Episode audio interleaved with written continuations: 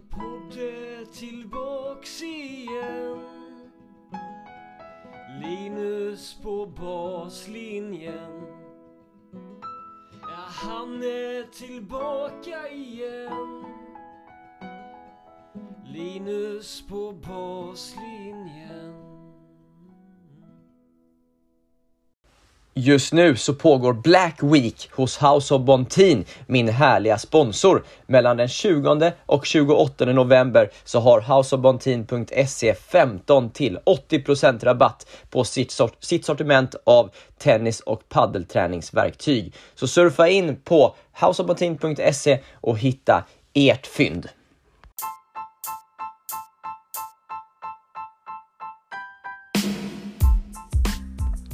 Ända sedan begynnelsen har Linus på baslinjen haft som ambition att öka informationsdelningen och kunskapsspridningen inom svensk tennis. Som ett led i det har vi startat upp den här poddserien som går under namnet Baslinjeutbildningen, där olika personer inom svensk tennis generöst delar med sig av sina tankar inom olika områden. Det blir en serie poddar där vi ska grotta ner oss mer konkret i hur vi praktiskt jobbar med olika bitar både på och utanför tennisbanan. I det här andra avsnittet pratar vi tennisteknik och hur vi tränar teknik på bästa sätt. I det första avsnittet så pratade vi serv. Idag så handlar det om teknikträning. Personerna som samtalar kring detta är inga mindre än Samuel Ekberg, ansvarig tränare för Pro Academy-delen i Helsingborgs TK. Samuel håller sedan många år tillbaka tränarutbildningar både internt och externt. Den andra gästen är Kaxton Newki, tennistränare, föreläsare, inspiratör, världsmästare i mentorskap och grundare av Caxton Sports Management. Vi pratar idag bland annat om vad en bra tennisteknik är. Måste en bra teknik se bra ut? Hur tränar man teknik på ett optimalt sätt i olika åldrar? Vi pratar om vem som ska vara ansvarig för teknikträningen hos en spelare. Enhandsbacken eller tvåhandsbacken? När är korgmatning en bra idé? Och hur jobbar man med, man med filmning och när ska man göra det? Ett fullmatat avsnitt helt enkelt. Vill du bli Patreon-supporter och vara en stor del i att den här podden överhuvudtaget kan fortsätta existera? Klicka på länken i avsnittsbeskrivningen så blir jag superglad. Nu kör vi igång!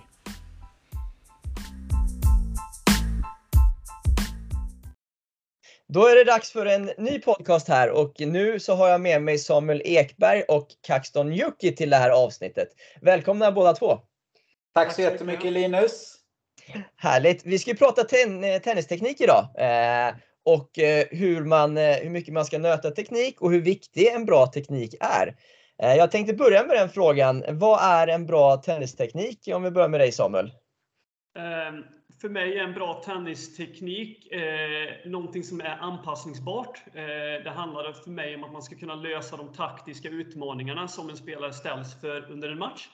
Eh, och eh, nästa del skulle jag säga också att det är viktigt att den är skonsam eh, för kroppen om man pratar i ett skadehänseende. Tennis kräver väldigt mycket träning. Har man brister tekniskt kommer det också kanske begränsa att man inte kan träna det som krävs för att nå sina mål. Så att den är skonsam, energisparande och att den måste vara väldigt anpassningsbar för att kunna lösa de utmaningarna som tennisen som idrott ställer. Håller du med Kaxton? Eh, ja, det är klockrent sagt och eh, ja, vad, ska, vad ska man tillägga där? Jag, jag, tycker att han faktiskt fick med hela tårtbiten när det kommer till, till teknik. Liksom. Det, ska, det ska kunna funka utifrån de situationerna som du kommer sättas i. Så att, skulle man då ha en vuxengrupp, då försöker man ju anpassa den liksom ut till de förutsättningar och situationen som de kommer att hamna i. Eh, och, och, där kanske man också tittar jättemycket på den här skadebyggande för, eh, eh, ska man säga, aspekten av det hela. Men tittar vi på en, på en junior tittar, som säger att om jag ska bli världsbäst eller topp 100, ja men då måste vi också titta på, kommer den här tekniken kunna funka längre fram? N mm. När serven kommer i 200 km i timmen eller när tempot är som den är, kommer det här funka liksom? Så mm. att jag, jag tittar hela tiden utifrån, vem är personen jag har framför mig? Vad har vi för målbild? Och mm. utifrån det så kan jag försöka hjälpa att optimera tekniken. Eh, så jag tycker Samuel eh, sammanfattar det på ett, på ett väldigt bra sätt. Men samtidigt vet vi också att eftersom tennis är ju en idrott som är väldigt komplex så kan vi också ta död på väldigt många ungdomar eller vuxnas intresse för tennis genom att prata för mycket teknik. Och då har vi någonstans inte heller förstått den här personen, ja men varför spelar en tennis? Vad är målbilden? Liksom? Just det. Och det är där det blir så, det är där det blir lurigt, eh, som, som, du är inne på. att alla tycker inte alltid att det är superkul att stå och, och nöta teknik så att säga. Och det är lite det vi ska diskutera idag också. Men, men eh, först och främst där när vi pratar om vad en bra teknik är. Eh, i, i, dagens tennis så, så kommer ofta ett exempel upp till exempel med Medvedev. Eh, att liksom, eh, då kan man tro att det inte behövs en bra teknik för att kunna spela tennis på världs, världsnivå. Eh, men, men ni menar att han har en tillräckligt bra teknik då eller? För att lösa alla situationer? Eh, om jag får ta lite där, så ja, det anser jag. Eh, tycker också det är viktigt, Kaxton var inne på det också lite och även du Linus, att Nummer ett också som man behöver titta på är vad är tennisen för typ av idrott? Eh, tennisen går ju inom benämningen det man kallar för en open skills-idrott, alltså en väldigt öppen idrott. Mm. Eh, för att förstå lite open skills så kan man ta motsatsförhållandet som en closed skills-idrott som ett exempel, en tyngdlyftning. Mm. Eh, där miljön är väldigt statisk. Eh, I open skills-idrott som tennis är det konstant en föränderlig miljö och det var lite det jag sa innan med de taktiska utmaningarna. Mm. Eh, att eftersom tennisen är en så öppen idrott och där hela tiden miljön ändras, man ställs inför nya utmaningar. Eh, mm. olika skruv, motståndaren är placerad på olika ställen i banan, eh, bollens fart kommer olika och så vidare. Så är varje duell unik. Mm. Och för mig, som jag inledde med innan, är ju en bra teknik för mig att kunna lösa de taktiska utmaningarna som man ställs inför. För tekniken är ju ett redskap för att lösa taktiska utmaningar.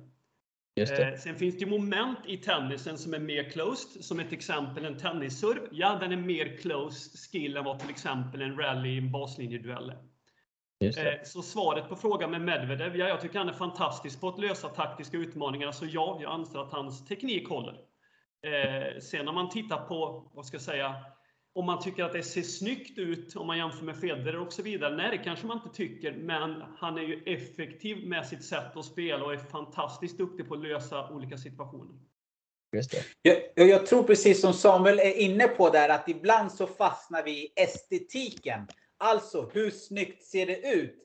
Ja, någon kommer föredra det ena och någon föredrar det andra. Men vi kommer tillbaka till, ja, de spelar på ATP-touren och levererar och gör resultat. Så, mm. så vad va, va är, vad är det som är fel?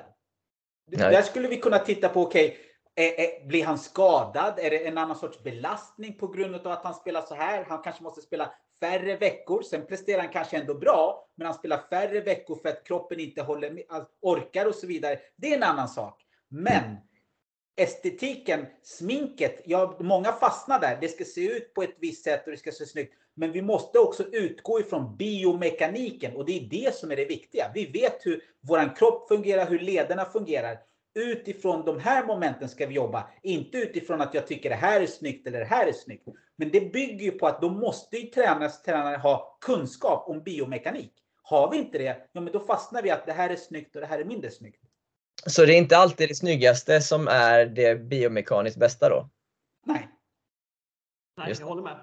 Just det. Men eh, om man skulle jämföra liksom i, i slow motion, tror ni inte att Federers teknik kanske är mer korrekt än Medvedevs till exempel? Då? Jag tycker Kaxton sa en väldigt bra sak där, att lite det här att se hur, om man tar Medvedev då, eh, okej, okay, kommer han att hålla och spela den tennisen som man gör hela karriären? Om man tar Federer, om man bortser från de sista åren, Eh, som han är väldigt, skade, väldigt skadefri generellt under karriären. Och självklart var ju hans teknik skonsam, lite det vi var inne på. Den var energisparande och mm. den var skonsam. Han hade möjlighet att kunna generera mycket fart med troligtvis liten kraftinsats. Mm. Eh, Medvedev får vi ju se eh, när vi summerar hans karriär och om man ser när han kommer upp i åren, nu är han 26, när han blir 29, 30, 31. Hur kommer mm. hans kropp hålla och spela den tennisen då? Mm. Eh, ja, det återstår ju för oss att se. Sen svar på frågan. Ja, alltså om man tar Federer, nu tar du exempel på kanske den mest kompletta tennisspelaren genom tiderna. Som kan göra allt på en tennisbana. Som när han spelar som bäst ser det ut som att han spelade minitennis mer eller mindre. Så visst, kanske hans teknik är mer effektiv och bättre, ja. Jag är med. Eh, om, vi, om vi går ner i åldrarna från, från början när, när, när spelarna spelar i, i minitennisen till exempel. Eh, hur tycker ni att man ska liksom pedagogiskt gå tillväga för att träna teknik? Eh, det är lite diskussion om det här med vi vill ha bort kötennisen. Eh, hur liksom mycket ska man stå och mata och kasta bollar kontra hur mycket ska man lära sig i öppna spelsituationer? Hur, hur tänker ni från allra första början där? Ska jag inleda eh, lite eller du Kaxton? Förlåt, vad sa du? Ska jag inleda eller du? Eh, jag, jag, kan inleda och sen så kan du ta över så då får vi, då får vi facit sen.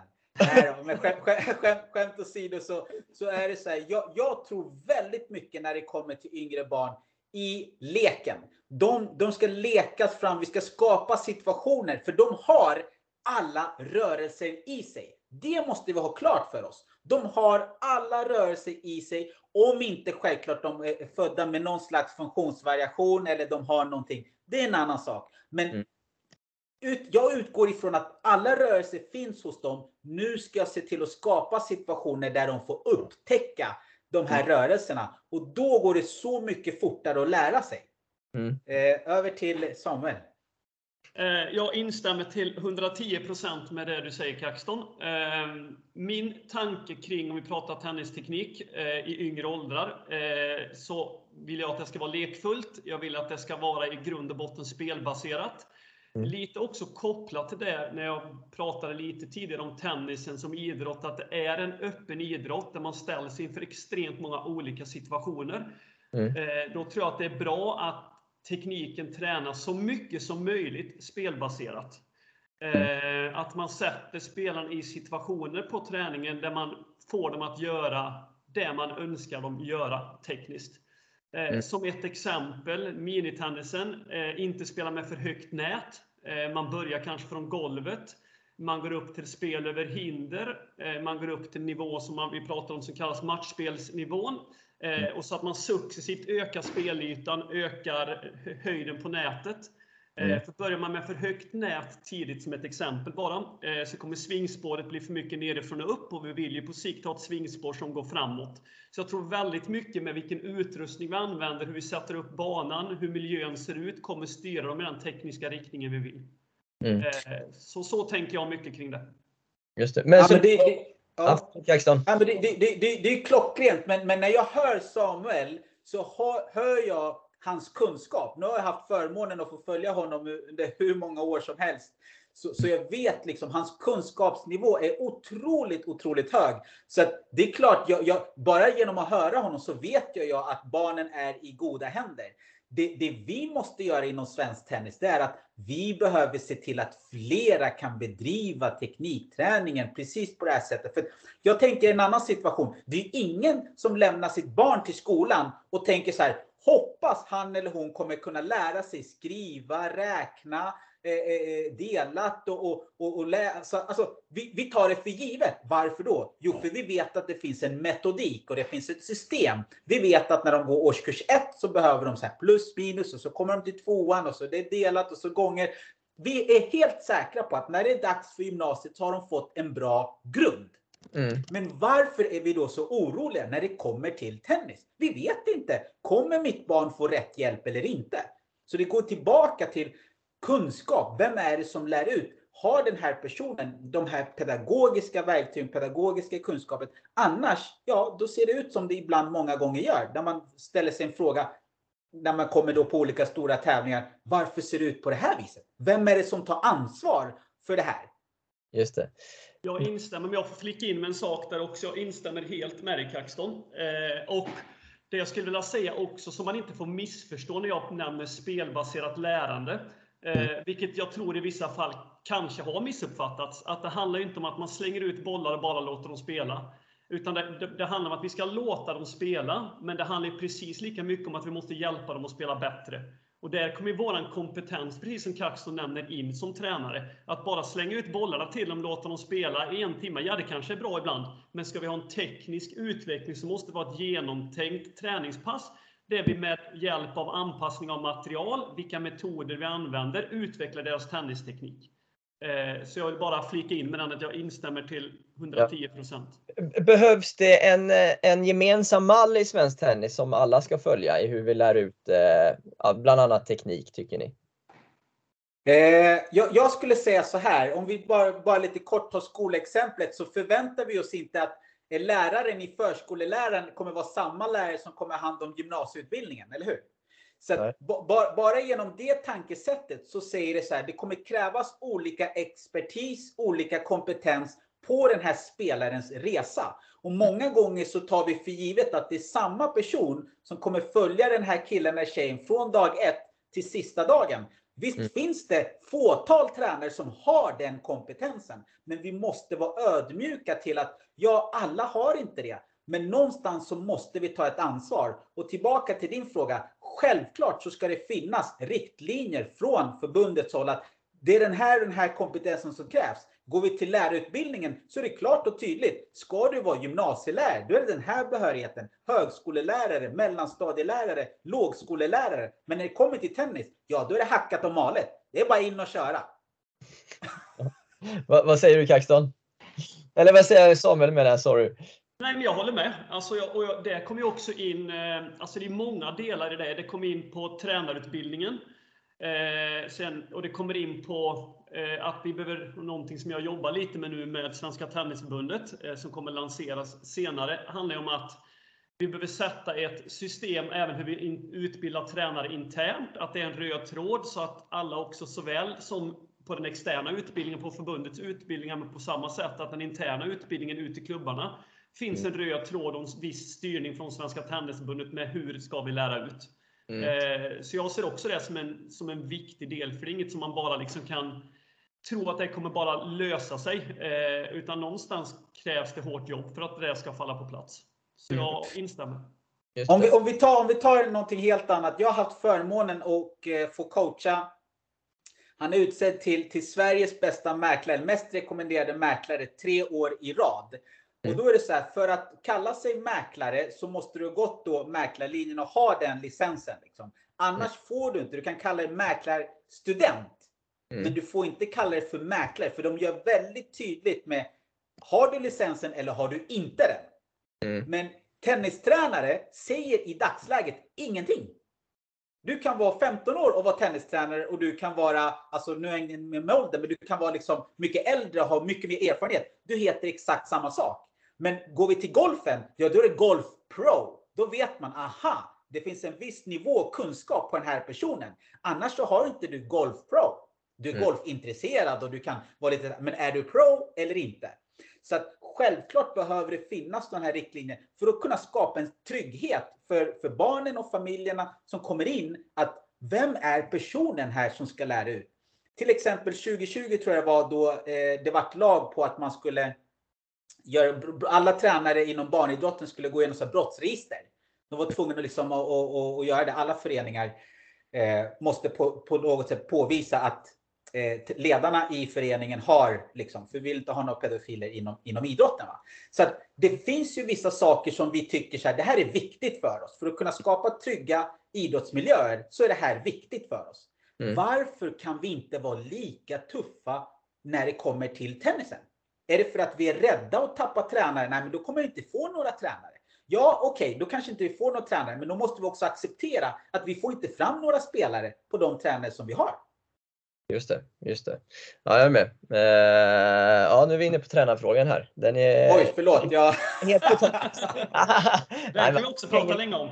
Nej, men jag, jag, jag, är med på hur ni menar. Eh, om, om vi, vi, just det här med hur man lär ut teknik då, eh, eh, för, för de yngre och, och, det har ju med tränarna att göra såklart. Men, men har jag förstått det rätt att ni inte är för att man liksom ska köra liksom korvmatning överhuvudtaget då eller? Eh, jo, eh, jag ser absolut korvmatningen som en metod att jobba med teknik, men jag tänker också när man jobbar korvmatning tillbaka lite till spelbaserat lärande. Eh, att det någonstans är viktigt att det finns en taktisk intention. Eh, alltså det finns en taktisk utmaning, en taktisk, taktisk intention i de sakerna man gör när man jobbar med korgen. Eh, så ja. nej, korgmatning är inte fel.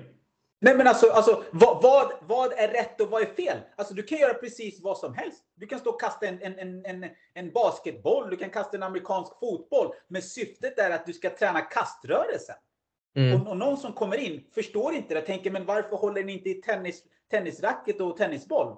Mm. Men titta på rörelsen, biomekanik, exakt samma rörelse som att kasta en amerikansk fotboll. När den här killen eller tjejen får tennisracket, det är busenkelt och, och få in servrörelsen till exempel. Det är mycket lättare att fokusera på armbågens vinkel om den ska stå och kasta en amerikansk fotboll än att den ska ha en tennisracket och tajma rackethuvudet och boll och så vidare.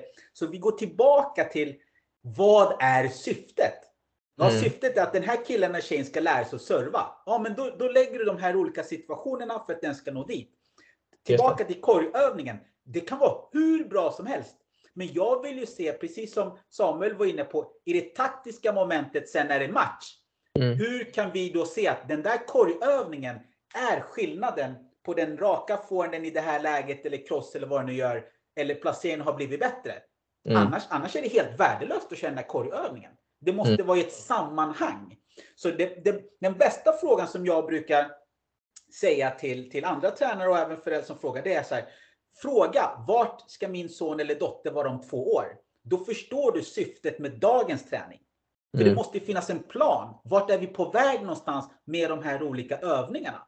Det är ingen som blir bra dag för dag. Men när vi sätter ihop det här paletten över ett, två år, då ser mm. vi att wow, det kommer bli hur bra som helst. Men mm. många gånger så har vi inte det här perspektivet.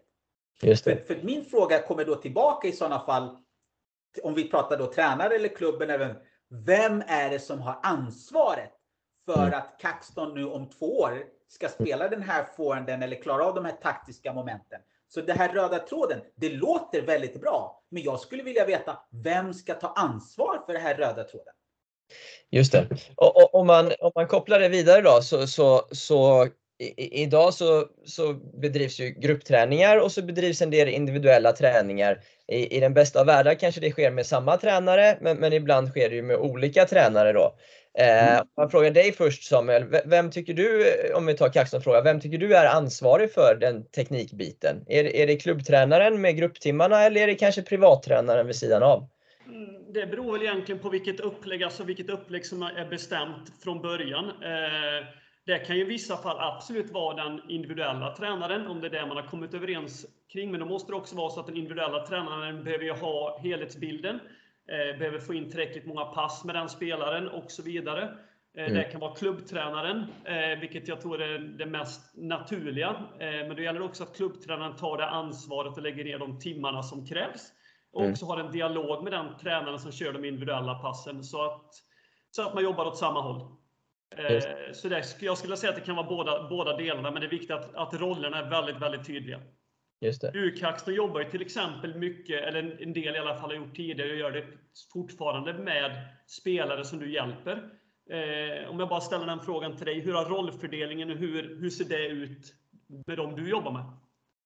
Ja, eh, jo men det, det, det, har, det, har, sett ut på det här sättet att eh, det är självklart ett, ett, ett, samarbete, men många gånger så har jag eh, tagit eh, den helhets, alltså teknisk taktiska biten tillsammans med tränaren. Men det är jag som har liksom stått för hur ska progressionen se ut? Vad ska vi försöka tänka på, titta på, jobba med? Eh, och sen se till så att jag och då eh, ansvarig tränare pratar samma språk. Eh, men det blir lite grann min uppgift utav att checka av och se att vi gör de här sakerna och vi tar de här stegen. För det jag har då upplevt många gånger det är att klubbtränaren hinner inte med. Det är för många barn som, som klubbtränaren skulle vilja, men vet av att nej, men jag, jag hinner inte. Jag kan inte ta på mig det här ansvaret för jag har 20, 30, 100 andra barn som jag måste ha koll på. Så det är lättare då att du har den här, men vi ser till att vi jobbar med samma moment. Vi pratar på samma sätt så att killen eller tjejen känner igen sig och förstår att aha, just det, det är ju det här jag ska jobba med. Eh, så. Just det.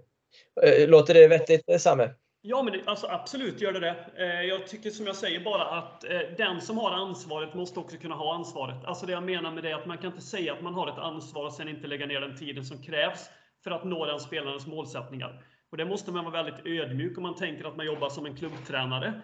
Eh, för det kan ju vara precis som Kaxton säger, att man har väldigt mycket spelare.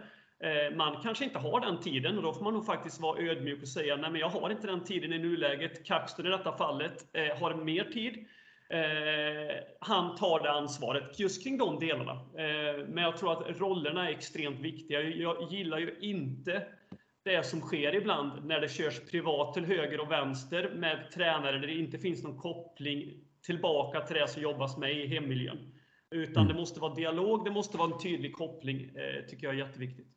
Ja, men där kan jag bara flika in att eh, i, i alla mina samarbeten så, så, så, skriver jag ju rapporter. Och det är också en grej där man, med tiden så har man inte den här akademiska bakgrunden eller van att skriva, så då, då, kan man inte skriva en rapport. För man kanske inte vet hur man ska uttrycka sig. Hur skriver jag så att en annan person förstår i text? Självklart är det också jättebra med, med, med videos, men det krävs en viss form av kunskap för att kunna förmedla det här. Och det här är ju liksom en icke-fråga. Om inte det här samarbetet fungerar på det här sättet, då kan inte jag heller gå in. För mm. jag måste först tanka av från tränaren. Vart är vi någonstans idag? Vad ser du för någonting? Det här är vad jag ser. Och mm. sen inför varje möte med spelaren så tankar jag ju av tränarens bild. Vart mm. är vi nu? Och vilka utmaningar ser du? Och sen jobbar jag med spelaren och så tankar jag tillbaka. Det här är vad jag såg utifrån det du har berättat. Och så här gjorde vi nu och det här är vägen framåt som vi tror på. Och hela tiden en konstant kommunikation fram och tillbaka. Spelaren ska ju känna att oj, det är faktiskt en dialog här emellan hela tiden. Och det är mm. då vi skapar trygghet. Trygghet i sin tur skapar resultat. Men är det otryggt, ja då spelar man en viss forehand när man är med Kaxton och så spelar man en annan forehand när man är med sin klubbtränare. Och det kommer inte, det kommer inte leda någonstans. Just det. Eh, vi, vi kommer att prata mer om, om eh, uppföljning och utvecklingsplaner eh, i ett annat avsnitt. Eh, om om vi, vi, vi återkommer till eh, det här med, med tekniken. Eh, när vi pratar gruppträning nu, nu pratar vi individuell träning och gruppträning då. Hur, hur, eh, hur tränar man teknik på ett bra sätt när man har många spelare på banan, Samuel? Om vi börjar att passa tillbaka lite med din fråga. Vilka åldrar tänker du, eller Linus? Tänker du eh, minitennis, midi, maxi, eh, äldre spelare? Ja, jag tänker när de ändå kommit upp lite i nivå. Så, så säg från kanske maxi-tennis då, till exempel, när de är lite äldre. Eh, nej men tillbaka, alltså sen om man tänker i en optimal värld så ska man inte vara, man måste ju någonstans ha, okej, okay, hur ser upplägget ut för denna spelaren? Hur ser deras vecka ut? Eh, om man bara börjar där. Är alla passen fyra på banan eller vissa pass där de är två på banan? Till exempel, har de något individuellt pass? Så mm. någonstans får man ju också kolla, hur ser veckan ut? Mm. Eh, och då får man också prioritera vad man jobbar med. Men om det är så att alla passen är att de är fyra på banan till exempel, om de inte har något annat och vi tänker teknisk utveckling, Ja, mm. då kommer vi tillbaka igen till lite det jag inledde med när vi pratar teknik, att vi, man behöver utgå från spelet.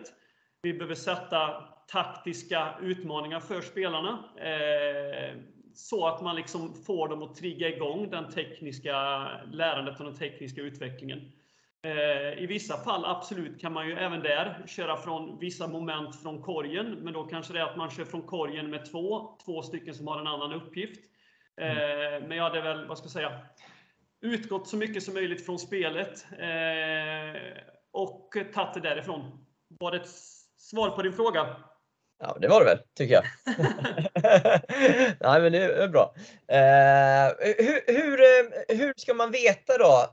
I... Om, jag, om jag bara får flika in där på, på ja, eh, det, det Samme var inne på där och eh, det, det, det, jag känner så här, det är många gånger vi fastnar i så här, ja, vi är fyra på plan och vi är många på plan och hur ska vi få upp det här? Ja, vad, vad händer om du har ett fotbollslag då? Ja, men du, vi är 15-20 på plan, vad, vad, gör du då? Kommer du svimma eller? Alltså, du har ju bara fyra på plan. Individualisera. Det måste vara tydliga mål. Precis som Samme var inne på. Hur ser veckan ut för den här personen? Har inte du koll på det? Är inte du dens tränare? Du borde ju veta. Mm. Eftersom alla har ju sin egen resa. Tennis är mångt och mycket en individuell idrott. Du mm. måste ju se varje individ. Varje mm. individ som kliver in på banan så ska du veta vad är målsättningen för den här personen. Och mm. personen själv ska ju veta vad den har för målsättning med dagens träning. Mm. Liksom, mm. kom igen nu, det är bara fyra stycken. Vad är problemet? Ja, ten tennis jag, tennisbanan är lite mindre än fotbollsplanen. Så du menar det borde vara lättare? Nej, men, på en fotbollsplan kan man ju sprida ut spelarna lite mera. Ja, men, men, men du, du, du, du. Så jävla lätt är det inte. Så jävla lätt. men det, det, det jag bara säger helt enkelt, det är att Ja, jag fattar. vi, vi, vi, vi, vi, vi fastnar i att det kommer tillbaka till kunskap. Och, och jag, kan säga, jag har haft förmånen att få jobba med handbollslag, fotbollslag, innebandylag som mentalt. Så jag har ju sett. Och då kan man ju inte säga så här, oj, vi är ganska många här och vi har ju bara en eller två tränare på 30 pers. Så att det är bara två eller tre utav er eller fem som kommer ha bra teknik. Alla ni andra, ni kommer inte kunna skjuta, så det är ingen idé vi passar er. Ja, ja, ja. ja, jag är med. Jag är med på Jag håller med Kaxton. Tycker bra, bra liknelse. Ja.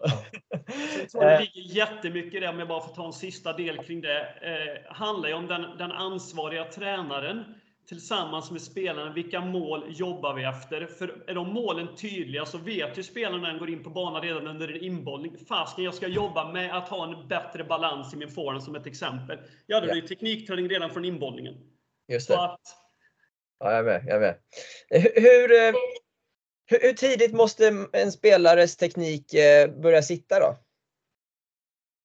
Eh, jag- den, den, den ska aldrig sitta fel, så att, så att jag förstår liksom inte frågan. Vi, vi, vi frågar ju inte någon som går i ettan i skolan så här. Ja, när ska du börja läsa? Eller får du läsa fel först och så ska du lära dig om sen när du går i fyran? Alltså, det är en icke-fråga. Det ska vara rätt från första början. Då går vi tillbaka till det Samuel var inne på. Det är att vi kanske börjar på marken. Vi rullar bollen, men vi jobbar med samma rätt svingspår och så vidare. Det, är liksom, ja, Det ska vara rätt i hela processen menar ni? ja, ja, så är det ju. absolut. Och sen, sen om jag får flika in det så är det att om man tar då, om man börjar på golvet och man sen tar minitennis, ja, rörelsen är ju mindre eftersom spelytan är mindre. Men de tekniska checkpunkterna är ju de samma, bara att man gör det på en annan yta och rörelsen är mindre för att banan är mindre. Ökar vi banans storlek så kommer ju också ban- rörelserna öka för att spelarna behöver generera lite mer fart. Eh, Så de tekniska checkpunkterna ska ju vara, jobbas med att vara på plats och utvecklas hela vägen liksom, från början. Så man ska inte lära dem fel som Kaxton säger. Nej, det, det, det, är liksom, det, det, det, det är bara vi tennis som håller på och frågar när ska vi få in tekniken? När ska vi få... Det, jag, återigen, jag får jobba med många olika idrottare. Jag, jag hör aldrig samma diskussioner. För det är ingen som utgår ifrån att vi på något sätt ska göra fel. Eller lära dem fel för att lära om dem. Ja, Vi går ja, tillbaka till biomekaniken. ja. Det är klart, det är en helt annan muskulär utveckling för en liten kille eller tjej kontra ett proffs. ja. Men, men precis som Samme sa, har du koll på checkpunkterna, då vet du att den här tekniken, vi kan bygga på det här. När personen är 20 eller 25 så kommer den kunna hantera de situationer som den ställs inför. Men alldeles för ofta så går vi och så tittar vi, så tänker vi, hur i all sin dar har de här tänkt? Spelaren kommer aldrig kunna klara av ett högre tempo eller generera den fart som krävs. Ja, just det. Man kan bara ta en sån teknisk, eller en sån checkpunkt som jag tycker är viktig, egentligen hela vägen. Eh, Mm. Jag brukar prata om det som en färdigheten, att en ta emot-färdighet, alltså en receiving skill. Eh, som om man tar ett barn som börjar spela tennis så är det mycket, mycket enklare för ett barn att kasta än att ta emot. Mm. Eh, vilket innebär att en receiving skill, alltså en ta emot-färdighet, är extremt viktigt att man börjar jobba med direkt. Men det är också om man kollar på en högre nivå sen, ja varför rör sig, nu tar vi Federer igen då, du nämnde honom innan Linus, så då spinner jag vidare på, på Federer. Varför, varför rör han sig så bra? Jo, självklart att han tekniskt rör sig bra, men han läser ju också spelet. Och om man tar då ta emot-färdighet, att läsa ankommande boll och så vidare, där har han ju varit magnifik. Och det, är Mm. inget, alltså det är någonting som han har fått med sig från början och sen har han utvecklat den färdigheten. Mm. Eh, Så jag, tycker, jag gillar att tänka så färdighetsdelar. Att då här ska spelaren kunna, vi ska jobba med ta emot-färdigheter, eh, Mm. vi ska jobba med svingspår, vinkel, hastighet, vi ska jobba med balans och så vidare. Ja, den är bra. Hur, eh, när spelarna blir äldre sen då, så, så bygger man ju en del av träningarna kring, kring spelidentitet och, och spelarens styrkor och, och vapen och så vidare. Hur, hur ska man veta, även om en teknik inte är liksom eh, perfekt, hur ska man veta hur mycket tid man ska lägga på att förändra någonting när spelarna börjar komma upp i ålder, eh, kontra att lägga det på att förbättra styrkor istället? Då kommer man ju tillbaka igen på det vi har varit inne på. Som tränare måste man ju se hela bilden. Man måste se det långsiktigt. Eh, Och om vi börjar, hur vill den här spelaren taktiskt spela? Hur vinner den här spelaren sina poäng? Ja. Och om man tänker den vi spelar på ett visst sätt, okej, okay, kommer den här tekniken som den här spelaren har i sin serv, kommer den räcka för att kunna vinna sina poäng så som vi vill att den ska spela? Är svaret är nej, ja då behöver du prioritera att jobba med den delen kanske som exempel. Så det gäller att utgå från spelaren. Vad är spelarens styrkor, svagheter? Hur vill spelaren taktiskt spela? Ja, det, jag, jag håller, håller med Samme. Och jag, jag, det jag brukar prata mycket om det är personlighet. Vad, vad, vad är det för sorts personlighet? I en av dina senaste, senaste podden när du pratade med eh, Sofia Arvidsson mm. så, så pratade du om att om hon gick in på ett kasino berättade hon ju själv att hon var lite mer sparsam och, och liksom så här hur hon skulle fördela. Så att alltså personligheten är ju grymt viktig för att det, det är där du kommer hitta, men hur vill du vinna bollen? Och ja. du vill vinna bollen på det här sättet, men när vi tittar på, i verkligheten så ser det faktiskt inte ut så. För du vinner bollen på det här sättet. Just och då det. kanske man måste då skapa en diskussion där att ja, okej, okay, vad tror du? Förhoppningsvis så överstämmer personligheten och sättet personen vinner på. Men vi måste utgå för att i slutändan så är det ju faktiskt den här killen eller tjejen som ska själv spela tennis och tycka det är kul. Den ska mm. inte spela tennis på ett sätt som du tycker är kul bara för att liksom, det, det, det är den som ska spela. Glädjen måste ju komma inifrån. Mm. Mm. Sen, sen återigen får vi inte liksom bortse från de fysiologiska, alltså är du lång, är du kort, är du snabb? Alltså det finns ju oftast om du, om du har någonting gratis, mm. då kan vi bygga på det. Och troligtvis kommer du tycka att det är kul. Just det. För då är, du, då är du troligtvis bra på det. Men det kommer ju tillbaka till att vi måste ju ha kunskapen till att kunna se, analysera för att förstå. Så här ser, det, så här ser verkligheten ut. Utifrån det du tycker och det du vill så ser mm. verkligheten ut så här. Så mm. finns det några likheter här? Finns det någonting vi kan bygga på? Eller behöver vi ta och tänka om? Mm. Och då kanske man kommer fram till att nej, men jag vill ju inte spela som proffs. Nej, men då är det ingen fara. Då kan du fortsätta spela så här. Men, men spela serve och volley när du kanske är 1,70. Jag, jag vet inte. Det är lite för svårt. Liksom. Ja, jag. Fast du tycker det är jättekul. Men, men det blir svårt att, att, att vinna matcher. Liksom. Mm. Och kopplat till det som Kaxton nämner, nu tar vi ett extremexempel här med typ en John Isner. Eh, jag troligtvis har ju hans tränare eh, sett, okej, okay, den har kanske kollat på hans föräldrar, sett hur han har utvecklats längdmässigt under pubertet och sett den här killen kommer bli lång. Mm. Jag garanterar att de ju då lagt väldigt mycket tid på det som är hans vapen som har gjort att han har varit en topp 10-spelare, Johan Surv. Sen har han ju utvecklat många andra delar också på vägen, men bara serven som ett exempel. Och kan man inte se den stora bilden, okej, okay, hur vill den här spelaren spela i framtiden? Hur är den byggd fysiskt, som Kaxton var inne på? ja då är det ju tufft liksom. Man måste ju se hela bilden. Just det. Hur, eh, eh, hur, eh, hur mycket ska man prata med spelarna själva om teknik? Vad man eh, ser för brister eller vad man tänker att man ska förbättra och, eller förändra och så vidare. Eh, och nu tänker jag att spelarna ändå är lite äldre och liksom en tävlingsgrupp. Ska, ska man göra spelarna medvetna om allting och involvera dem i det eller ska man som coach eh, skapa övningar så att man rättar till saker automatiskt? Jag, jag, jag skulle vilja säga att vi, vi, jobbar med tekniken så fort du kliver in på tennisplan. Så, så, finns den ju med där. Men det du sa som också var intressant är att kommer jag göra spelaren medveten om det? Eller kommer jag bara utsätta spelaren för situationer där spelaren själv förstår att oj, nu behöver jag göra lite av det här eller behöver tänka så och själv börja liksom den här inre processen. Mm. Det är den jag jobbar jättemycket med. Jag, jag, jag, jag använder mera video än att prata. För att genom att filma och visa så förstår ju spelaren själv. Aha, oj, ja men där ser jag ju lite tokigt och där borde jag flyttat på mig. Eller oj, där valde jag fel fotställning. Liksom. Där skulle jag kunna gjort så här. Så här. Jättebra, okej, okay, då testar vi så spelar vi igen. För mm. i slutändan när matchen börjar ja, då får vi inte coacha, även om vissa gör det. Men alltså, det handlar ju om att personen ska få så mycket verktyg som möjligt. För som Samme var inne på, att klara av de olika taktiska utmaningarna på plan.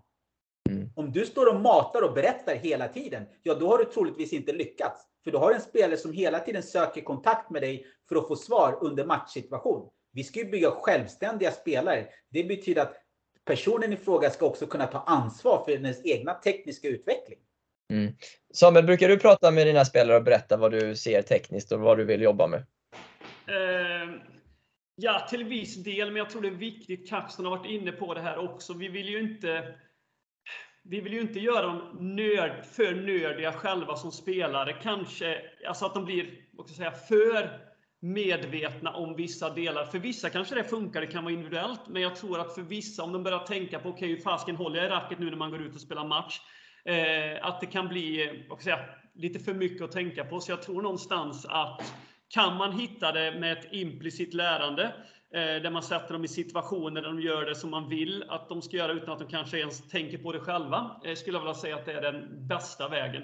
Sen finns det alltid säkert undantagsfall. Det finns de som kanske gillar det här mer, analysera sin egen teknik eh, och så vidare och så vidare. Men jag, säga, jag vill inte medvetengöra dem för mycket i alla fall. Det är väl min, mitt svar på den frågan. Och, och jag, jag, tänker så här, för att göra det enkelt för, för lyssnarna så skulle man kunna säga 80-20. Mm. Prata 20, sätt dem i situationer till 80% Det skulle kunna vara ett sätt. Ett annat sätt som vi faktiskt är mindre bra i tennis, det är periodisering. Jag, jag har ju sett det och jobbat jättemycket med det inom friidrotten. Men när vi pratar tennis, det är inte många tennisplaneringar där jag sett som är periodiserade. Så att man skulle också kunna säga att inom de här perioderna, inom de här veckorna, då kommer vi väl jobba väldigt mycket med låsta moment. Vi kommer jobba med vissa tekniska detaljer och verkligen gnugga på det för att sen gå ifrån det. För det är mm. så här att vi kan ju inte förvänta oss att vår spelare ska gå ut och spela match och tänka på vilket grepp den ska hålla. Det mm. måste ske automatiskt. Det måste bara ske instinktivt. Känsla. Just det. Så, men, men, men, vi behöver självklart den här taktiska momentet. Vi behöver det. Men när ska vi lägga in det? Och hur kommer det påverka helheten? Men eftersom vi inte har sådana planeringar. Vi bara, ja, många gånger kör vi liksom tennis året om. Mm. Så ja, blir Just. det väldigt rörigt. Just det. Eh, eh, du nämnde här, du nämnde här Kaxton eh, till exempel att, att filma spelarna. Eh, kan, kan, ni båda liksom var för sig berätta lite hur ni jobbar just med, med att filma? Eh, hur, hur kan det se ut när ni tränar eh, en spelare eller flera spelare och, och jobbar liksom med, med att filma och kolla på det? Ta oss igenom den processen lite. Vill du börja Sami? Ja, jag kan starta. Eh, nej, men någonstans, eh, man använder ju filmen som ett verktyg och en metod för att nå någonting. Eh, så man börjar ju där. Okej, okay Eh, och då är det frågan vad vill man nå, vad vill man utveckla? Nu bara tar jag serven som ett exempel. Okej, vi vill jobba med att spelaren ska få en tydligare leg drive, eh, ladda mer från sitt högerben i serven för att få ett bättre frånskjut. Eh, då kanske man filmar ett i nuläge. Okej, så här ser det ut nu. Mm. Man använder det sen. Okej, nu jobbar man med övningar. Okej, vi servar från högerbenet för att vi ska verkligen jobba med att aktivera högerben. Vi kommer ner och trycker ifrån, landar med balans. Så jobbar man med det under en, en period. Hur länge beror ju på eh, lite vilken spelare man har och hur svår teknisk utmaning det är. Mm. Eh, sen så filmar man igen. Och så ser man, okej, okay, fasken det har blivit bättre. Och då ser också om man visar spelaren det här. Okej, okay, så här ser det ut i början, så här ser det ut nu. Då ser man också någonstans spelaren får en motivationshöjande del att fasken, det här har blivit mycket, mycket bättre. Man mm. kan också jämföra med proffsen om det är någon detalj, någon sak man vill kolla på. Fasken, kolla här hur Federer kommer ner och laddar från sitt högerben när han står med footback i serven. Eh, så kan man också ge, ge spelaren, vad säga, när de ser hur de bästa gör så är det också väger det ibland tyngre skulle jag vilja säga när vi säger saker som tränare, även om det också självklart påverkar mycket. Så mm. typ så. Vad säger du Kaxton? Nej, men det, alltså det handlar om varför vi, vi måste först kunna svara på frågan varför ska vi filma överhuvudtaget? Handlar det om att vi ska lägga ut något snyggt inför Instagram? Är det det som är målet? Eller vi har faktiskt en, en konkret fråga som vi vill ställa och, och, och vill få svar på. Och mm. Samuel berättade jättefint här liksom om det är då leg drive, det är högerbenet och så, så filmar vi innan och, och, och efter och se vad är det som hänt. Så att det, det, det, man måste ju först veta varför du ska filma. För då är det hur enkelt som helst. Då filmar du exakt det momentet som du mm. vill få svar på eller titta eller analysera. Eh, men men för, så för mig är den ju alltid med. Alltså mobilen är alltid med. Och det handlar många gånger om att behöver jag vara lite tydligare? För det, det, ibland behövs det inte. Mm. Det, det, kan räcka med något ord och så förstår spelaren precis. Men ibland så kanske det är också bra då att okej, okay, istället för att tjata ihjäl sig så är det bättre att bara filma, visa spelaren, ah, okej, okay. och, och, lite som Samme är inne på, så kan man jämföra, jämföra spelaren och ett proffs, lägga dem bredvid varandra och så blir det ännu tydligare. Det är hit vi vill. Ja, ah, men perfekt. Brukar ni lägga spelarna jämte ett proffs eh, till exempel och visa? Alltså, om, jag, om jag gör det på banan, precis som Kaxton nämnde, jag brukar använda mobiltelefonen i de flesta fall, för jag tycker det är ett enkelt redskap att göra. Eh, då till exempel går jag in på Youtube eh, och visar ett klipp där. Eh, och sen, eller också tar jag till exempel kanske en stillbild på det momentet jag vill, okej okay, det här ska vi titta på. Och sen gör jag samma sak, filmar spelaren. Om jag mm. anser att jag vill pinpointa just den här delen, tar jag en stillbild där och så jämför jag och lägger dem jämte varandra, eller bara jämför. Mm. Eh, så jag brukar inte använda liksom något avancerat program på mobilen eller något sånt. Jag gör det ganska basic för att jag anser att det ska vara så enkelt som möjligt för då blir det också att det blir av så ofta som möjligt. Mm. Så typ jobbar jag. Ja. Jag, med. Jag, jag har ju fördelen då, eftersom jag har inte så många spelare, så använder jag en app som heter CoachEye där jag kan gå in och rita och verkligen sätta proffsen bredvid varandra. Jag kan lägga dem i slow motion. Jag kan se till så att bollträffen tajmas exakt samtidigt så att man ser din arm är böjd, Federers arm är rak eller du, du träffar lite nära kroppen eller vad, vad det kan vara för någonting. Men det är klart, jag och Samuel sitter i två helt olika situationer. Jag har ett fåtal spelare där mitt jobb verkligen är att gå in och grundligt jobba med de här detaljerna och sen föra den här informationen vidare till spelaren men också till tränaren för att se, okej, okay, det är de här momenten som vi behöver bli lite bättre på. Och sen är det också min uppgift att checka av. Mm. För det kommer ju tillbaka till mig och sen checka av, okej, okay, hur, hur ser det ut nu? Hur, hur går det här? Just det. Just det. Den som får sparken först är ju jag. Det är alltid konsulten som åker ut först. Men när du målar, ritar och sådär Kaxton, är det inte lättare att använda en iPad då? Det är vad man är van vid. Jag är så van med, med, med mobilen, men iPad skulle funka lika bra. Absolut. Det, det, ja. var, det var så enkelt och smidigt eh, att använda mobilen, så jag blev van med det. Jag är med. Eh, vi, vi, när, när, man pratar teknik och så även jag, eh, så, så, tänker i alla fall jag ju ofta liksom på grepp och svingar och så vidare. Men, men det finns ju också rörelseteknik och det är ju mycket prat om att många spelare, hur, hur, bra man rör sig på banan och till exempel Djokovic som ett tydligt exempel. Hur, hur mycket jobbar ni med just rörelsen på banan och hur, hur spelarna, eh, att, att liksom, ja, med tekniken i rörelseschemat? Eh, jätte, jätteglad att du ställer den frågan för att eh, du kommer få ett väldigt tråkigt svar. För mig så, så, finns den ju där hela tiden och jag börjar med den. Jag brukar oftast många gånger till och med börja med medicinboll eh, för att ta bort liksom racket och, och, och, och boll och träff och sådär. För att verkligen fokusera på, okej, okay, om vi nu ska generera och skapa kraft mm. i, i den här medicinbollen och tyngd, hur behöver vi göra då? Hur behöver vi jobba med tyngdförflyttning? Om jag kastar och, du hamnar i ett ytterläge, vad kommer du välja för, för fotställning då? Kommer du låsa dig och inte kunna rotera? Då skapar du ingen, ingen kraft och fart i den här medicinbollen och så vidare. Om, mm. om jag kastar den här så du måste jobba bakåt, mm. vilken mm. fotställning kommer du välja då och så vidare. Så att, så att för mig är det ju grunden innan du kan slå på tennisbollen. Kan inte du röra dig ordentligt? Ja, men alltså, det spelar väl ingen roll vilken teknik du har. Det kommer ändå inte bli bra. Jag är med. Samuel? Nej, men man, vi har ju pratat om detta tidigare, som jag när pratade lite om tidigare, eh, så tycker jag en färdighet som är väldigt viktig är ta, ta emot-färdighet. Mm. Eh, för de yngsta barnen så börjar vi på golvet med en eh, större vit boll för att göra det lite enklare. Där man hittar olika moment där de självklart ibland får stå still och flytta bollen och ibland får de röra sig. Och Sen blir det en progression, eh, tuffare eh, övningar, de blir större och så vidare. Men rörelse, menar tennis, handlar om att man rör sig. Så att självklart är det med som moment hela vägen. Ibland med, med boll och rack, ibland utan. Eh, bygga en stor koordinativ bas tidigt. Eh, får göra mycket saker. Man lägger in det i uppvärmningar och så vidare. Man lägger in det i vissa lekfulla moment på minitennisen. Ja. Så att, eh, skulle säga att det är någonting som behöver vara med från början. Men jag, jag, jag, jag tänker igen, liksom, jag, jag förstår jag hör frågan, men jag förstår den inte. För att jag tänker så här, redan när spelaren springer runt tennisbanan, redan där kan jag vara på dem. Isättning, kroppshållning, ser ut som liksom, du, du, du har tappat pengarna och liksom... Eh, för, eh, alltså, du, du... Mina frågor har aldrig blivit så sågade förut.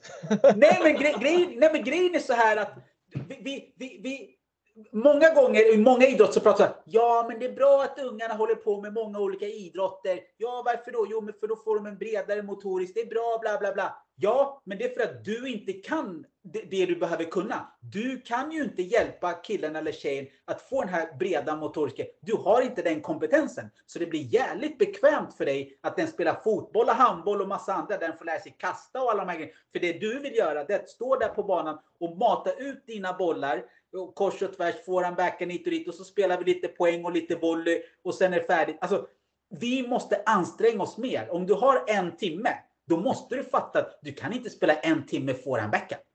Du kanske behöver lägga in 15 minuter där du verkligen fokuserar på basen, på grunden, på rörligheterna, olika fotställningar, tyngdförflyttning och de här bitarna. Och sen bygger du på det, sen kommer du på plan. Och det är därför tennis kräver så mycket tid.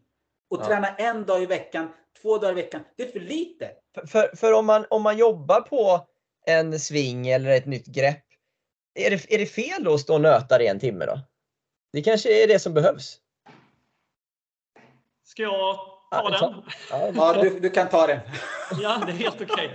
Eh, eh, nej, det, jag skulle inte säga att det är absolut inte fel. Eh, men jag, jag skulle vilja, alltså, självklart är det så här ibland, om man lär in något, något ta en greppförändring då som är en, en generellt ganska, vad ska jag säga, en större teknisk förändring om man vrider från ett extremt westerngrepp till ett semi-westerngrepp till exempel.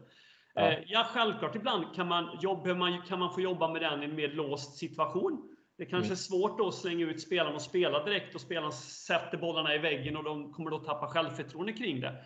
Men, så där måste man ju ha det som man kallar lite för fingertoppskänsla som tränare. Mm. Eh, kanske börja lite mer och självklart behöver man nöta det. Eh, men man behöver också sätta det så, ganska så snabbt i taktiskt sammanhang. Okej, när man lägger om ett grepp från ett extremt grepp till ett mer ett semi-western-grepp till exempel. Ja, utmaningen kommer vara att få spinn i Mm. början. Det kommer bli lite flackt. Ja, då behöver man efter ett tag hitta ett sätt. Okej, hur ska spelaren klara av att svinga framåt och kunna generera spinn med detta greppet? Ja, då lägger man in en viss taktisk utmaning på det.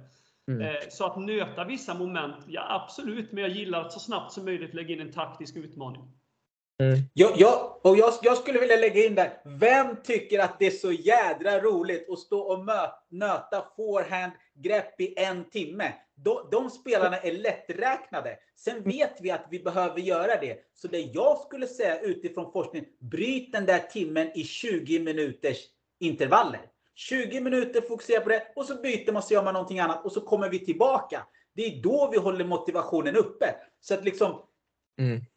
det är människor vi har att göra med. Det här är någonting vi kommer hålla på i flera års tid. Det är därför många slut... Liksom, Men, vi men, men, måste göra det kul. ja, just det, det måste ju vara kul, men, men spelarna kan ju också till slut sluta för att de inte är tillräckligt bra. Om man inte har nött. Det Men, som men behövs. återigen, finns, Ja. finns det ingen plan? Finns det ingen plan? Jo, jo men precis. Pla, ja, precis. Pla, pla, ja, planen kan ju vara att man behöver ändra det här greppet nu och nu behöver vi nöta det här. Ja, men då, då, ha för, precis då förstår man ju inte heller hur då förstår man ju inte heller hur, hur människor fungerar. För att det är så här, det är ingen som är robot. Det är väldigt få som är en robot som ska Ja. stå där liksom en timme, samma grej och så ska den göra det här i flera månader och tycka wow, det här är det roligaste som finns. Så att. Eh, visst, om, om det funkar för den personen, absolut. Men jag skulle hellre sätta mig ner. Återigen, vi går tillbaka till periodisera. Under den här perioden så kommer vi behöva jobba lite mer med den här detaljen låst. Men självklart kommer vi också ha en variation. Vi vill inte ha en överansträngning eller en skada Nej. på grund av att vi har varit överambitiösa. Eller ja, inte haft kunskap och, och förstå att vi kan inte slå tusen bollar i rad. Liksom. Nej.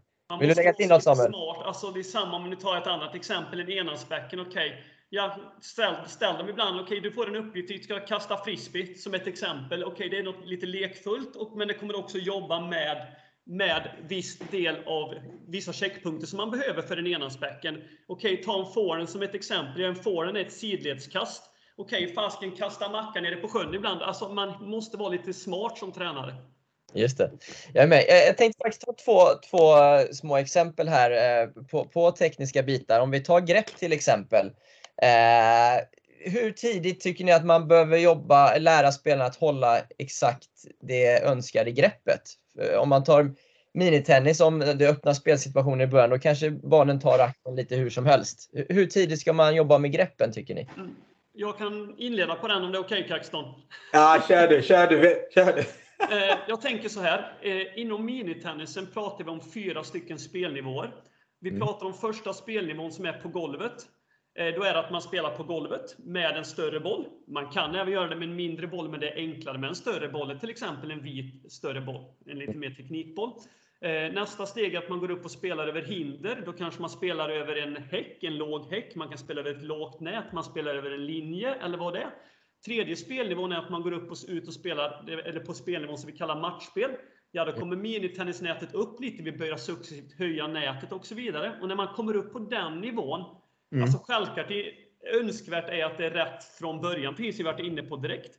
Men Mm. då, då kommer man in, okej, här börjar vi lägga in greppbyte mellan forehand och backhand. När vi börjar komma upp och spela över ett nät, ja, då behöver greppen sitta på plats, att vi jobbar med det. Eh, greppbyte mellan forehand och backhand som ett exempel. Ser vi en spelare där som håller ett extremt westerngrepp, ja, då, då behöver vi sätta en uppgift för spelaren så att den inte håller ett extremt westerngrepp. Eh, ofta skulle jag vilja säga att greppen och sånt, att de fallerar, om jag säger så, är ju ofta för att vi sätter dem i en miljö som inte är optimal för dem. Bara som ett exempel, vi sätter en lilla Kalle på 6 år eller 7 år med en hård boll. Ja, de kommer få spela bollen här uppe. Vad kommer hända med greppet? Ja, det kommer bli ett icke-optimalt grepp. Ja. Och det kommer vi åter in på tränare. Det är vår uppgift som tränare att ha koll på de delarna. Jag, jag kan, jag, det, det är musik för mina öron, Samme, för jag kan bara hålla med. Vi, vi, grepp hit och dit. Någonstans har du gjort fel. Satt upp fel hinder. Så att, så att, för grejen är så vi människor vill ju anpassa oss hela tiden. Så den här Mm. killen och tjejen, den gör egentligen inte fel. Den Mm. vill ju bara försöka få över bollen till andra sidan. Så Mm. du måste fråga dig själv som tränare, hur kommer det sig att det blev på det här viset? Mm. Mm. Jag, jag, alltså jag har ju varit med 4, 5, 6-åringar. Jag har inte behövt prata med någon grepp om, med dem. Nej, just det. Det, det, det har kommit naturligt. Men det är som Samme säger, för de sätts i en situation som de klarar av att behärska utifrån vart de är någonstans i sin spelarutveckling. Mm. Jag med. Bara ta minitennisnätet som ett exempel och även när vi kommer upp och spelar midi eh, och till viss del även maxi. Om vi ställer de spelarna i den åldern framför nätet och ser var någonstans nätet kommer nudda dem så kommer nätet vara uppe i huvudhöjd på dem. Var är nätet för en fullvuxen person som spelar på stor bana? Ja, det är inte så högt. Så generellt spelar vi på för högt nät tidigt, vilket också kommer göra att vi får ett svingspår som kommer gå för mycket nerifrån och upp. Och i min värld vill vi ha ett svingspår som går så mycket som möjligt framåt för att vi ska kunna gener- generera mycket fart. Sen när vi vill få spin på bollen, ja då är det framåt och i slutet uppåt. Eh. Så att mycket hur, hur spelarna är skolade från början, vilken utrustning vi har använt, kommer styra deras tekniska utveckling. Om, om man tar en, en annan teknisk bit. Eh, vi lär ju oftast, eh, ja, nu säger jag vi, men ut tvåhandsbacken till spelarna. Hur vet man när en spelare istället ska ha en enhandsbacken? Och i vilken ålder jobbar man med det i så fall? Samuel är expert på eh, enhands backhand så att Ja, han, han får svara på det Jag här. jag tar den. Ja, jag får ta den. Eh, nej men alltså, om, man, säger- om jag säger så här, när man börjar då på den första nivån och man får in lilla, lilla Elsa som är fem år in i en minitennisverksamhet. Okej, vi börjar på golvet. Då handlar det om att vi får spela spelet. Ja, du styr inte spelaren där om de måste spela med en eller två händer. Eh, utan man får se vad de gör och liksom hur vad som funkar. Eh, sen kommer de upp lite på spelnivå, blir lite bättre, börjar få spela över nätet. Eh, lekfullt, få testa. De kanske spelar ibland en hand, ibland spelar två händer. Och sen någonstans där kommer man ju se, okej, vad passar bäst för den här spelaren? Men jag tror det är farligt att vi går in, okej, fem år, nu måste vi spela med tvåhandsbacken. För om vi tittar svensk tennis, om man jämför med, nu tar vi ett land som Frankrike, där ni vet min favoritspelare Gasquet kommer ifrån. Eh, Ja, precis. Tänk om någon hade sagt som till inte honom vet när han kommit till en tennisklubb när han var fem år. Nej, nej, nej, nej, nej. Du måste spela med två händer. Det är det vi lär ut. Vad hade hänt med den spelaren då? Troligtvis hade inte han varit en eh, topp 10-spelare i framtiden. Så någonstans, vi måste ju, barn har ju fantastiska egenskaper och är duktiga på att lösa saker. Sen finns det säkert vissa där tvåhandsbacken kommer passa bättre, vissa enhandsbacken kommer passa bättre. Men vi ska inte låsa spelarna med det. Utan det är någonting de måste, vi måste upptäcka dem tillsammans. Just det. Så Just. tänker jag kring den frågan. Just det. Eh, jag är med. Jag är med. Men om en spelare börjar med tvåhand då? Eh, och, och vad, vad kan få dig som tränare i ett senare skede i junioråldern att vilja gå över till enhandsbacken? För det, Jag, jag, jag, jag kan ju säga så här att eh, ha- hade jag haft tränare som kanske hade varit lite mer öppna så hade jag nog alltså, fått börja spela enhands backhand mycket tidigare. Eh, för att jag, jag, fick ju liksom höra, det här får man ju inte liksom, man får inte ens prata om så, men de, de, de, de svor ju över att jag sliceade. Sprang runt och sliceade på backhand som 12-åring istället för att säga, men vet du vad? Vad sägs om att utveckla liksom en enhandsbacken? För du verkar ju ganska bekväm med att, att släppa handen och, och, och, och, jobba liksom med, med en hand. Men, men då fick man ju hellre höra liksom, slå inte några pip, pip, pip, pip på, på, på backhandsidan. Istället för att men, titta på vad är det för någonting han säger. Han mm. säger ju någonting. Mm. Men ingen ville, ingen ville liksom se den möjligheten. För att det var så här, nej, på, på den sidan så spelar man med två händer, punkt slut. Ja, jag förstår. Medan så, så, så, fort jag blev liksom äldre och, och då, det var inget snack enhandsbacken. Och, och än idag så kan jag tänka så här, tänk om de hade sagt till mig mycket tidigare. Vad roligare tennis hade blivit för mig. Istället för att man håller på att gumma varje gång bollen kommer på backhandsidan. Liksom. Ja, jag är med. Vår uppgift som Kaxon tycker jag är inne på en jättebra sak. Det vår uppgift också som tränare är att vi ska inte bromsa spelarna. Om man tittar historiskt är det ganska ofta spelare som styr utveckling. Janne Boklöv, V-stilen, Frosbury, flop, eller floppen i, och så vidare. Det var ingen tränare som kom på det. Det var ju faktiskt utövare som hittade, okej, okay, hur ska jag göra för att hoppa högre? Hur ska jag göra för att hoppa längre? Så att någonstans är vår uppgift att vi ska inte bromsa deras utveckling, vi ska snarare få den att gå åt andra hållet. Så att det är en viktig del. Varför är det så få spelare som spelar med tvåhandsforehand då? Eh, troligtvis för att de har upptäckt på, på resans gång. Vissa kan man däremot säga har börjat att spela med tvåhandsforehand. Jag vet att både Nadal och Federer gjorde det om jag har förstått rätt på deras intervjuer. Sen har de väl märkt under resans gång för, för att okej, okay, de har en fördel rent taktiskt, kan generera mer spin, kanske känner det lite lättare där och därför har de gått över och spelat med forehand med en hand. Så jag tror någonstans att det har varit det mest naturliga för, för många spelare. Okej, okay jag är med. Eh, det är ett otroligt stort ämne det här med, med teknik. Eh, vi, vi, ska börja avrunda det. Är det någonting ni känner att ni vill tillägga killar som vi inte har touchat vid ännu? Eh, jag, jag, det bara slog mig här nu när vi skulle summera och tänka. Det, jag, jag spelar lite golf och jag mm. kommer ihåg när jag skulle ta mitt gröna kort.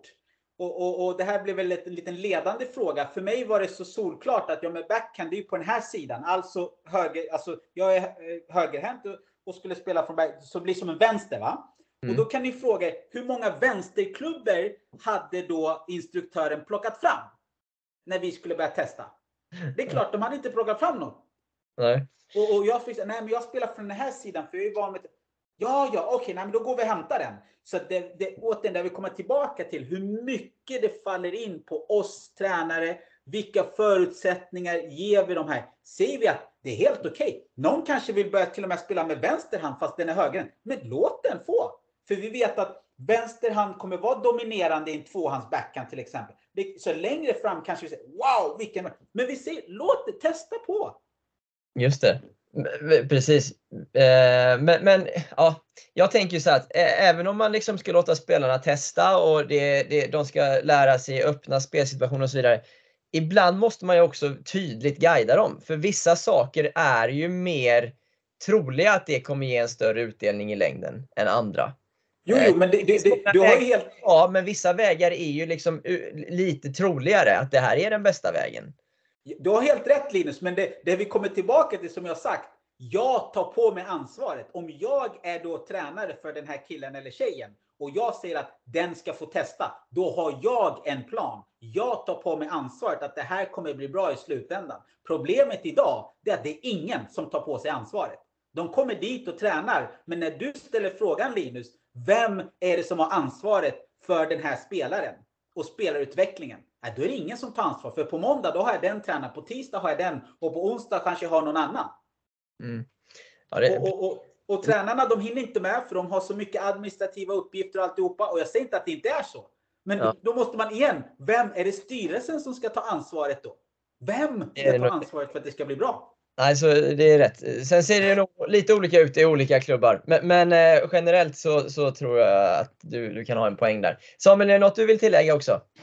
Eh, Nej, jag tycker vi har haft ett eh, öppet, väldigt intressant samtal kring ett ämne som vi hade kunnat prata om i ganska många timmar till. Vi hade kunnat göra flera poddavsnitt om, om det här ämnet. Eh, och du hade säkert fått en del olika, för det är också ett ämne, så fort man nämner teknik, då är det ett ämne som folk har mycket åsikter om och något som man diskuterar mycket. Men, men Eh. varför är det så då? Varför kan, har folk så mycket olika åsikter om det tror du Samuel? Jätteintressant och bra fråga. Ehm, Jag kan bara ta, jag vet inte om det är så här, men jag kan ta mig själv när jag började som tränare. Det Ja. jag intresserade mig för när jag började, det var teknik. Det är teknik som är viktigt. Det är teknik som är Guds väg till att nå framgång. Det är liksom det allting handlar om. Och det kanske är fort, alltså det är en jätteviktig del. Vi har varit inne på det. Men det finns ju många andra delar som också är viktigare om vi pratar kring fysisk utveckling, mental, taktisk utveckling, setup, ekonomi och så vidare. och så vidare. Men jag såg inte hela den stora bilden när jag började som tränare. Eh, och det kanske är fortsatt så att inte alla ser hela bilden, utan då är teknik ett ämne som är väldigt enkelt att liksom bara börja diskutera. Jag vet Nej, men jag, jag, ja, jag, jag skulle säga så här, det är jätteenkelt varför teknik eh, eh, man diskuterar så himla mycket. För att när, när tjejen eller killen kommer hem och föräldern frågar Hur gick det idag? Jag lärde mig spela forehand, backhand, serve, volley. Det- Den säger inte så här, nej men jag spelade tennis idag. Jaha, vad kul! Ja, vi spelade lite match och lite... Alltså, den pratar inte om hela spelet, de pratar om delar i spelet. Så redan när de kommer in så är det vid sidan emot nät, dra tillbaka, knoppen mot, träffa framför och så vidare. Och så, vidare. så vi matar in dem i ett undermedvetande att du, det här är jävligt viktigt alltså.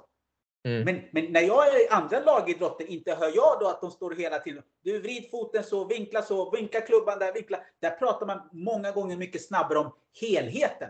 Om du Mm. rör dig så, så kan vi öppna de här ytorna eller göra de här bitarna. Så att när killen tjejen kommer hem, många gånger, säg från en fotbollsträning, en, en liten kille. Och vi har spelat matchpoäng, vi vann, förlorade. Alltså, det är så här, den står inte och säger så här, du, om jag vinklar foten två centimeter dit, då får jag en helt annan skruv på bollen. Nej, Det, det är inte ofta man hör det alltså. Nej, nej. Mm, Bra poäng Kaxton, faktiskt. Vi eh, avrundar med den. Eh, Samuel och Kaxton, tack så jättemycket för att ni vill vara med och diskutera det här. Tack för att tack vi fick själv. vara med. Eh, Nu får vi se, får vi få några hatmejl Samuel eller Må- många åsikter där ute. Men ja, Ja, kul att det få är dela i alla garanterat många åsikter, men det är alltid spännande. Och tillsammans ska vi göra svensk tennis bättre. Och det tycker jag Linus, som en sista avslutningsdel, att du gör ett grymt jobb för att medvetengöra många frågor med din podd. Eh, så keep up the good work. Riktigt bra jobbat. Tack så mycket. Ja, fan, fantastiskt eh, Linus. Och jag, tror, det- jag tror det är helt obeskrivligt det du gör för svensk tennis. Det, det, nej, det är grymt.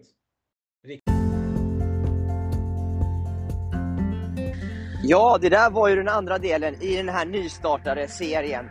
Om ni inte har lyssnat på det första avsnittet än, så gör det. Scrolla tillbaka och ta del av Marcus Lindberg och Anna Nymans inledande del. För ni vill ju bli fullt utbildade på baslinjen, eller hur? Tryck på prenumerera-knappen eller om det är följa-knappen som det heter på din podcastspelare så ni inte missar när nästa avsnitt kommer. Ha det bra tills dess!